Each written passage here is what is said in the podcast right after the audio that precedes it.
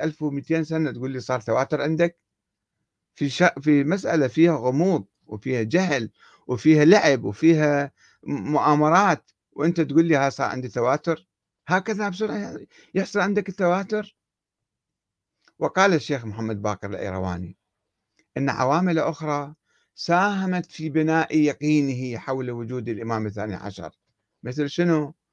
مثل توقيع الشيعة توقع الشيعة في الأجيال السابقة لغيبة الإمام المهدي أنهم متوقعين في الإمام يغيب. ووجود طب هذه كانوا يتوقعون على محمد بن الحنفية على محمد بن عبد الله ذي النفس الزكية على الإمام الصادق قالوا غاب الإمام موسى الكاظم قالوا غاب يعني هذه كان اكو أحاديث عن الغيبة وكتبوا كتب الواقفية كتبوا كتب عن غيبة الإمام موسى الكاظم. فهذا دليل على ولادة محمد بن الحسن العسكري. شو هالمنطق هذا يا شيخ؟ وبعد في أشياء عجيبة غريبة. ووجود أدعياء النيابة الكذابين. وجود أدعياء النيابة الكذابين دليل على عدم وجوده مو على وجوده. ما دام أكو ناس كذابين. يعني صار هذا حقيقة شو هالمنطق هذا؟ طيب وبعد وخروج التواقيع على أيدي السفراء الأربعة. السفراء الأربعة كانوا يراوون أجوبة بخط إيدهم.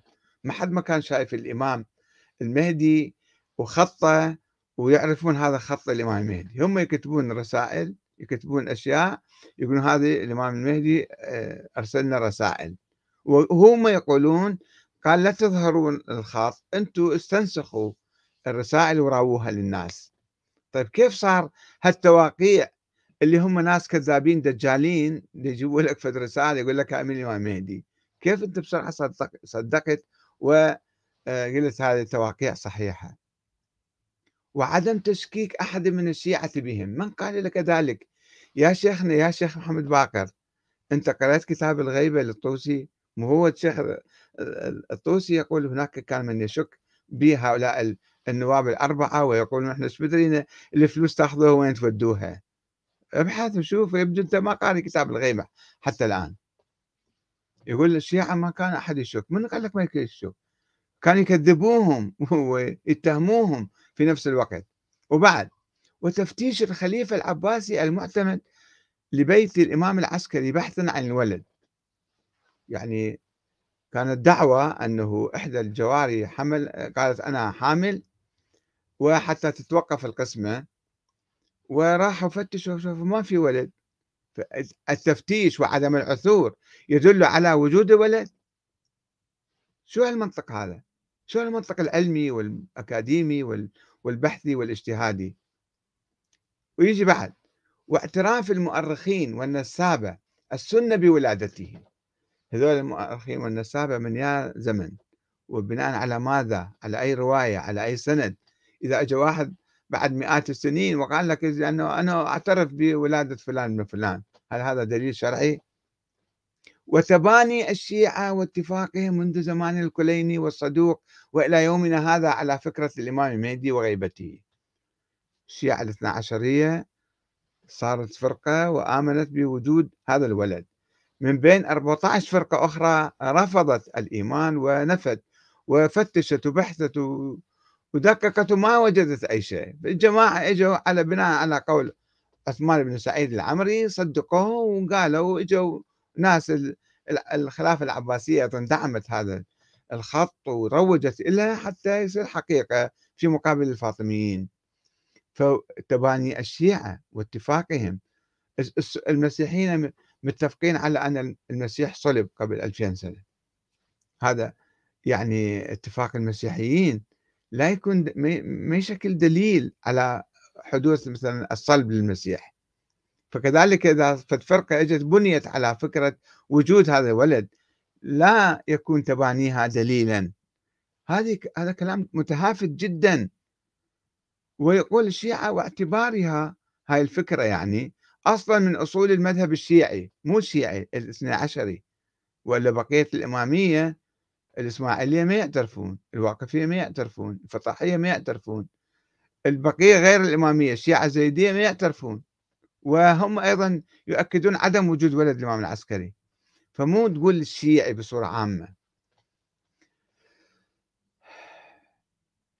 وعدم تشكيك أحد منهم في ولادته طوال التاريخ. إذا ما واحد ما فكر وما اجتهد وما بحث لا يعني أنه صار حقيقة هذا.